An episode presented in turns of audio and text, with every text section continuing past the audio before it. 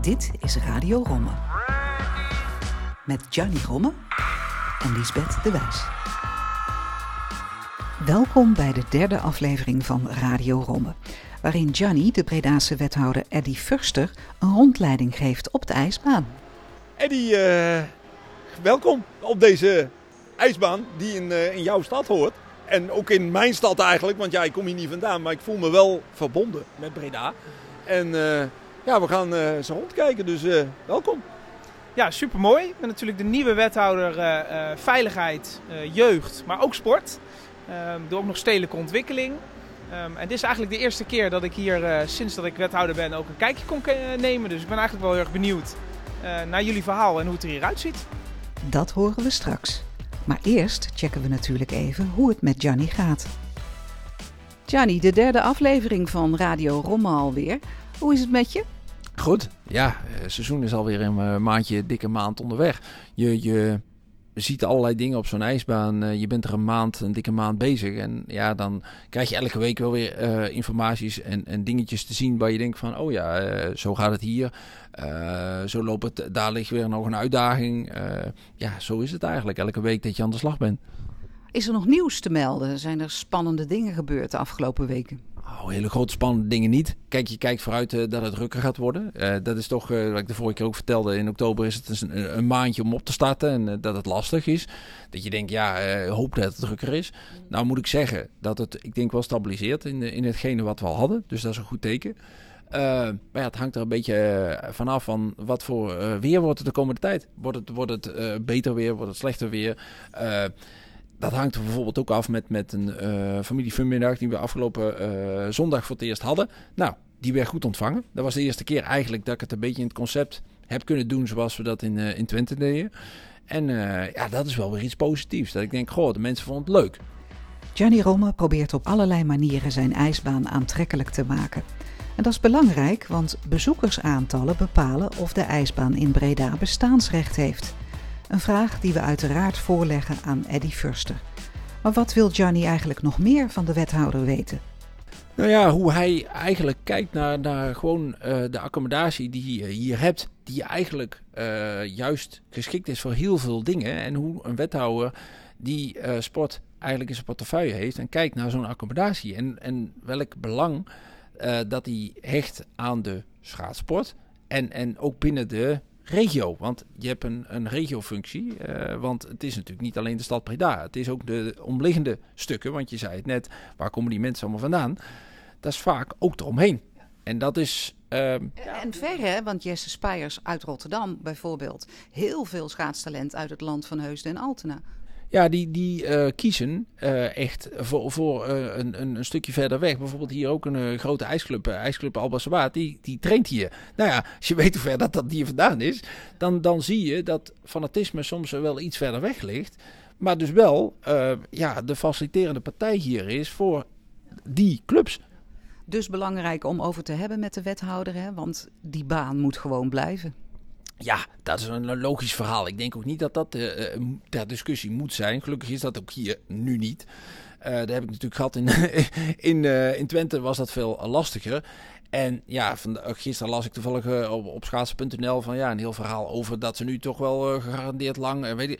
Maar dan denk ik, ja, wat zegt de politiek? Kijk, de politiek heeft nu best uitdagingen. En dat heeft mee te maken met verduurzaming van, van een gebouw. CO2-neutraal dat heeft niet eens zoveel met sport te maken. Dat heeft veel meer te maken waar, waar moeten wij straks aan voldoen. En kunnen we dat met dit soort gebouwen? En, en dat is uiteindelijk wat meer de vraagstelling is. Het, het stukje gezondheidsvisie uh, die hier nu in, in Breda ook ligt. Van hey, dat is een beleid wat ze graag willen doorvoeren. Nou ja, daar, daar heb je dus faciliteiten voor nodig. Nou, dit is duidelijk daarvoor bedoeld. Dat is een beweegbedrijf. Alleen, uh, ja, kan je die dan ook nog... ja, in die kant uh, duurzaam en CO2-neutraal en, en energietechnisch uh, goed voor elkaar krijgen in een balans. We gaan het horen van de wethouder. Ik ben erg benieuwd. En anders ik wel. Genoeg te bespreken in ieder geval. Eerst maar eens de hamvraag. Heeft de wethouder eigenlijk iets met schaatsen? Ik uh, ben een uh, fervent schaatskijker. Ik vond het altijd heel erg machtig mooi om het, uh, om het te kijken. Ik denk dat we als Nederland ook een enorm schaatsland zijn. Uh, natuurlijk wereldprestaties uh, geleverd. Waaronder mijn, uh, mijn grote vriend hiernaast. Um, en dat is wel gewoon heel erg tof. zelf doen ja, is niet helemaal mijn ding. Ehm, maar wij hebben, mijn ouderlijke huis ligt aan een sloot. Dus we moesten eraan geloven. Uh, dus als het, uh, als het nog echt koud was, wat natuurlijk tegenwoordig wat minder is helaas. Uh, maar ja, dan, dan ging iedereen schaatsen bij ons achter, bij het huis. Natuurreis. Daar begint het. Ook bij mij. Dus uiteindelijk is dat ook hetgeen wat, wat zo belangrijk is. Dat zulke ijsbanen er zijn. Er zijn er 22 van deze grote ijsbanen in, in Nederland. Dat die er zijn eigenlijk voor dat vervangen van dat natuurreis. Want het wordt, wat je zegt, steeds minder. Ik ken mijn jeugd ook dat ik eigenlijk in een slootje zo erop kon. En als je nu ziet, heb je soms een weekje. En dan moet je blij zijn. Dus uiteindelijk, uh, wat je hier ook achter ziet, de jeugd die hier rondrijdt, ja, die, die moeten nog steeds daar kennis mee hebben. Want het hoort bij ons DNA. Hè? Schaatsen, is, dat hoort bij ons. Klopt. Ja, het is echt uh, het is een stukje historie. En je ziet gewoon met de klimaatverandering dat we ons echt rekening moeten gaan houden dat dingen als een Elfstedentocht uh, niet meer zo vaak gaan voorkomen. Um, uh, en dat betekent dat je moet kijken hoe kun je dat nu wel faciliteren. Want het hoort, heb ik helemaal met Jannie eens, gewoon echt bij de Nederlandse cultuur. Maar ook bij de cultuur van Breda. Zeg je Breda en zeg je schaatsen, dan zeg je ook de Jetties. IJshockey, ja. ja. Want dat heeft uh, ook de belangstelling. Nou, dat was een sport die ik eigenlijk, waarvan ik helemaal niet wist uh, dat wij op zo'n hoog niveau dat uh, doen. En dat, dat maakt ook wel dat ik als wethouder sport nu denk, joh, wat, wat, doen wij nu eigenlijk allemaal? En zijn er niet nog andere sporten? Neem even volleybal, doen we het ook gewoon hartstikke goed. zonder dat heel veel mensen in, in Breda dat weten. Dus een stukje bekendheid voor, voor sporten waarin we het heel goed doen, regionaal landelijk. Ja, dat vind ik wel belangrijk als wethoudersport. Nou, dan gaan we naar het middenterrein.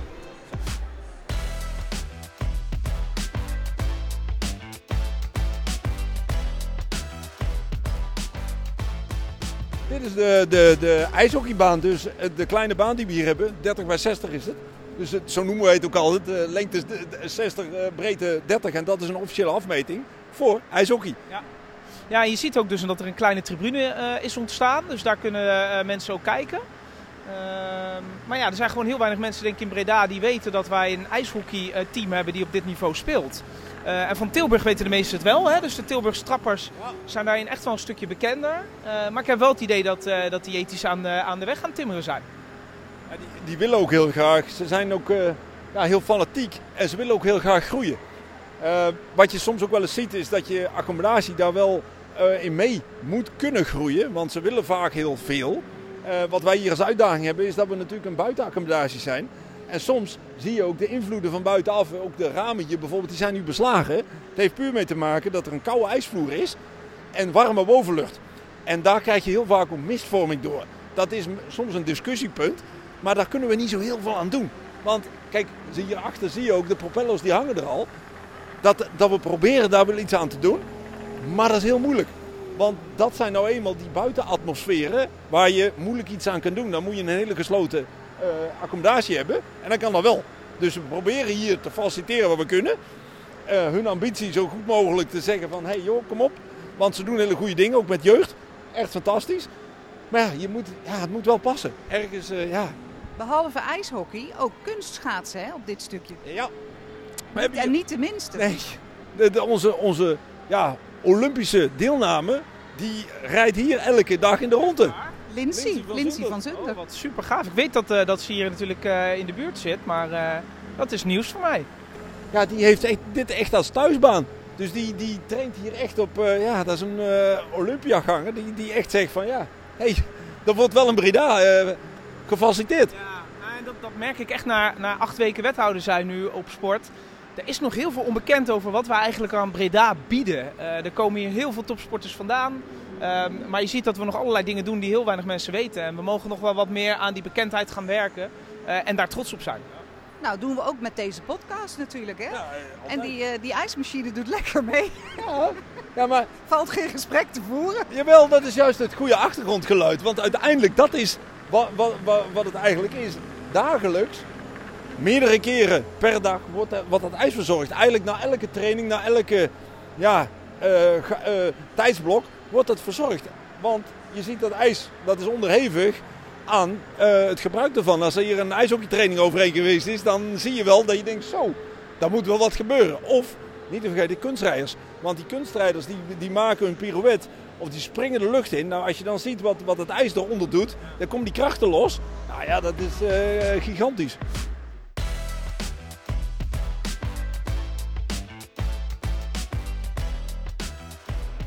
Is ook een marathon hè, binnenkort hier. Ja. Zeker, ja, ja, ja precies. En eh, we, zien op Sportbreed dat we dat aan het doen zijn. Want we krijgen ook een hardloopmarathon uh, volgend jaar. Maar op die manier proberen we het echt wat te verbreden. En het ook aantrekkelijker te maken om, uh, om deel te nemen. De schaatsen leeft in Breda. Nou, wat gaan we verder nog bekijken hier? Ik, ik, nou, wat ik nog even kan laten zien. En dat zal je misschien hebben meegekregen. Daar is hier een investering gedaan afgelopen jaar. In het hart van de ijsbaan. En het hart van de ijsbaan is eigenlijk de machinekamer.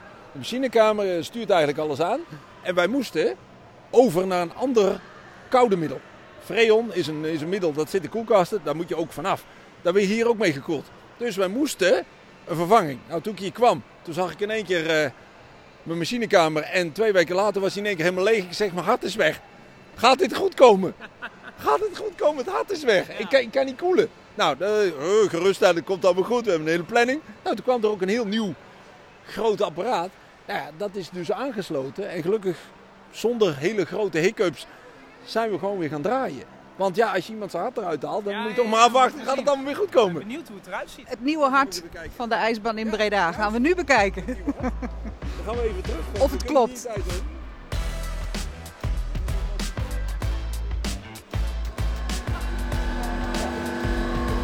Nou, hier is dus echt geen gesprek te voeren. Het is uh, heel geschikt. Ja, leuk hè? Ja, leuk hè? Om, om een goede ja. opname te doen. Bedankt hè, Johnny.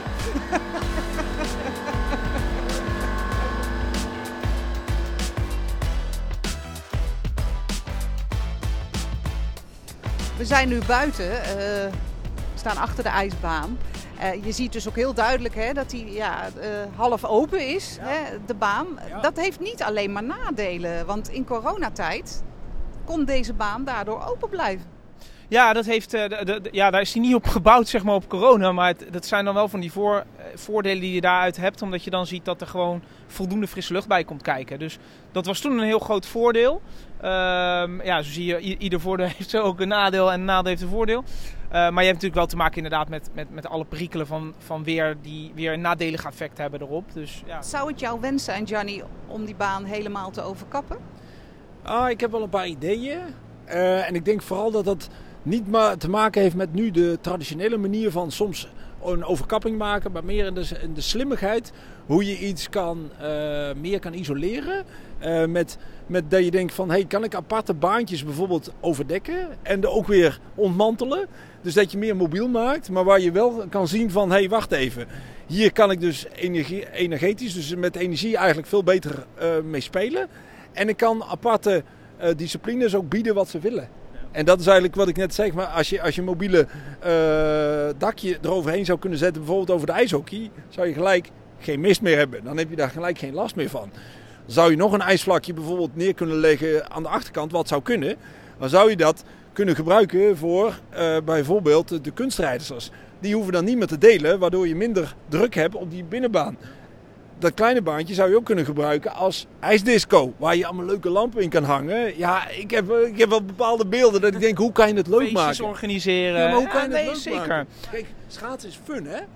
Kijk, ik kom bij, van de topsoort dan. En je ziet wel dat, dat juist topsoort, heel vaak wordt er allemaal toegespitst op dat soort accommodaties als topsport. Maar het is maar een heel klein stukje. Het gaat om de breedte sport. Het gaat om de plezier van alle mensen. Wat doen jullie al iets van disco schaatsen, net als disco bowlen? Ja, ja, ja. We, hebben, we hebben een discoavond. We doen ook silent disco. We hebben gewone disco's die Oh, we doen. mooi. Dus we doen wel dingen. Alleen ik denk dat het effect nog meer beter kan. Waardoor je... Wat is leuk aan een disco? Als het heel donker is en het is een beetje lampjes en het elkaar allemaal niet zo goed zien. Dat is hier soms een beetje moeilijker omdat je in die hele grote hal zit. Dus je moet dingen gaan proberen dat je denkt, goh, hoe kan ik het eh, toespitsen op, op het doel wat je wil bereiken. Ja. En dat is met heel veel dingen zo. Dus ik, ik Ja, zoek je wil naar het- die... Je wil het misschien ook wel multi inzetten. Ik kom zelf eh, uit eh, Zoetermeer en daar heb je ook natuurlijk een, eh, een grote ijsbaan die ook ingezet werd voor evenementen. Dus dan konden ze gewoon met één druk op de knop zorgen dat je daar gewoon een evenement kon houden, kon houden van ja, misschien wel 15.000 mensen. Een fijne brainstorm is het tussen wethouder Eddie Furster en Gianni Rommel. Genoeg ideeën in ieder geval om de ijsbaan aantrekkelijk te maken. Maar zijn ze ook te realiseren? Ik denk dat je altijd moet, uh, moet dromen en dat je vooral altijd bezig moet zijn met de toekomst. Dus welke verenigingen zijn hier? Waar richt je je op? Hoe hou je toekomst bestendig? En, en enerzijds doe je dat om heel erg in te spelen op vraag. En ook het creëren van, van vraag, zodat je financieel rondkomt. Maar wat natuurlijk ook wel een uitdaging is, is gewoon duurzaamheid. Dus uh, je merkt letterlijk gewoon de gevolgen van de opwarming van de aarde. Wordt er steeds meer, eigenlijk wordt er steeds meer gevraagd op het gebied van duurzaamheid. En hoe ga je er nu slim mee om? Waarbij je ook nog ja, je hoofd boven, uh, boven water kunt houden. Maar zijn daar al plannen voor hier in Breda? Is dat al, staat dat al concreet ergens in? Nou ja, wat je ziet is dat we als gemeente überhaupt bij al het gemeentelijk vastgoed nadenken over verduurzamen. Dus ja, daar, daar zijn plannen voor. Uh, die zijn nog niet super concreet. Soms bij sommige dingen wel, maar vaak nog niet. Uh, maar, maar wij als gemeente kunnen daar ook niet voor wegkijken. willen ons steentje ook bijdragen aan het verduurzamen van gemeentelijk vastgoed. Want jij hebt ook een opgave natuurlijk. Hè? Wanneer moet die baan CO2-neutraal zijn? Dat is een Europese uh, aanname. Ik heb pas geleden ook gesproken met de RVO uh, daarover. En die zeggen ook, ja, al die, die grote gebouwen die we hebben, die onder gemeentes vaak vallen, die moeten ook tussen 2040 en 2050, moet dat ergens wel CO2-neutraal zijn. Nou, dan heb je wel een uitdaging met het verbruik wat je hier hebt. Dat is met zwembaden, dat is met ijsbanen, dat zijn grootverbruikers. En hoe gaan we dat doen met elkaar? Nou, je hebt twee kanten natuurlijk. Je kan denken van, hey, kan ik minder uh, elektriciteit gebruiken om dezelfde uh, accommodatie te houden? Of kan ik het opwekken op een andere manier? Dus dat je zegt, ja, is zonnepanelen of windenergie of wat zijn de dingen die er kunnen? En maar ook maatschappelijk. Uh, ik weet nog goed dat toen de energiecrisis hier uh, aanbrak, dat er echt wel mensen waren die richting de politiek zeiden: ja, maar het kan nu toch niet zo zijn dat er een ijsbaan open is. Het kan nu toch niet zo zijn dat zwembaden worden uh, verhit. dus ik denk dat ook maatschappelijk gezien je echt een verhaal moet hebben als, als ijsbaan, maar ook gewoon alle andere verenigingen en, en, en accommodaties met betrekking tot duurzaamheid. Is dat concreet genoeg voor jou? Ja. Wat de wethouder zegt? Ik denk dat wat de wethouder zegt, is dat uiteindelijk wij allemaal daarover moeten nadenken. Iedereen in Nederland moet er ergens privé, uh, gemeentelijk, uh, grote overheid, die moet over dingen nadenken. En ik denk dat de koppelingen waar nu over nagedacht wordt, die, die schiet als paddenstoel uit de grond. Hè? Over uh, batterijen, over hoe kunnen we elkaar koppelen. Want hier liggen ook nog wel kansen dat je zegt, hey, je hebt een bedrijventerrein aan de overkant, je hebt daar een woonwijk. Kunnen wij met die machines die hier, kunnen we daar iets meer mee? Nou, dat zijn nou koppelingen die al in de landen zijn ze al mee bezig. Dus waar ze mensen al mee bezig zijn, zo proberen we ook met een stuurgroep dingen te koppelen aan elkaar. Dus die ijsbanen waar al iets mee gebeurt, van hé hey, gemeente, dit gebeurt hier, misschien kunnen jullie er al wat mee. Of in die koppeling, zo moet je elkaar gaan helpen. Want je maakt je natuurlijk ook zorgen over het voortbestaan van de ijsbaan. Uh, in Twente, waar, waar jij eigenlijk de ijsbaanmanager voorheen was, ja, was dat een hele grote zorg. Die heb je hier minder. Uh, daar gelukkig dat hier daar nog niet zo over gesproken is als in Twente. Alleen, ik ben ook realist. En ik weet ook van, joh, de gemeentes hebben een uitdaging. Ze moeten het verklaren. Ze moeten ook, zo'n gebouw staat dan meestal voor 30, 40 jaar. En dan is hij een soort afgeschreven. En dan? Dus dan zitten we precies in die transitie. Wat ga je dan doen? Hoe ga je het dan aanpakken? En... Moet Gianni zich zorgen maken over de baan? Ik denk dat je überhaupt altijd een beetje zorgen moet maken in het leven. Want dat drijft je ook om na te denken over de toekomst. En, en zorgt ook dat je verandert. Um, kijk, wat je moet doen is enerzijds uh, uh, verduurzamen van vastgoed. Maar wat ook belangrijk is en waar ik tegenaan loop is... Wat willen wij nu als Breda als het gaat om sport? Waar gaan we ons op richten? Want vergis je niet, deze ijsbaan heeft ook een regionale functie. Heel belangrijk voor Breda, maar ook voor de regio. Ook belangrijk op het gebied van topsport.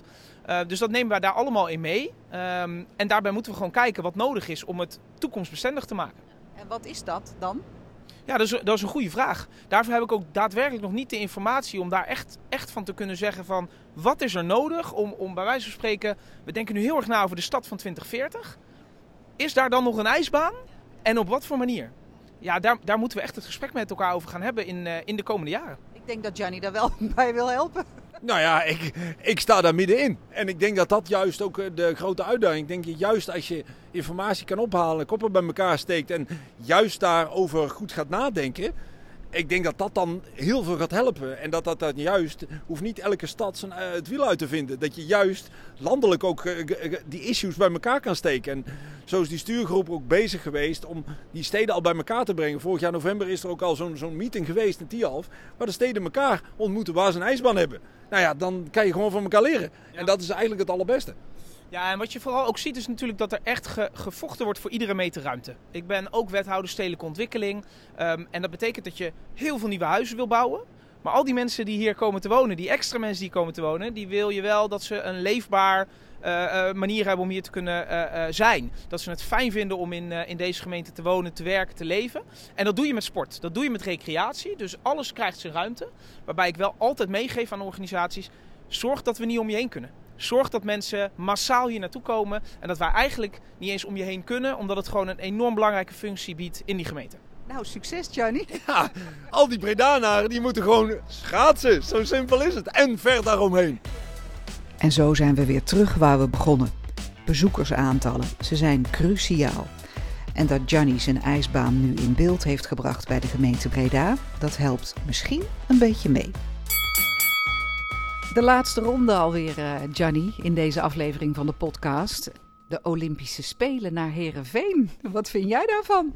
Ja, dat is wel uh, een bijzondere uh, move eigenlijk. Dat je denkt bij jezelf, ja, een speler, dan ga je toch altijd aan denken, het land organiseert het.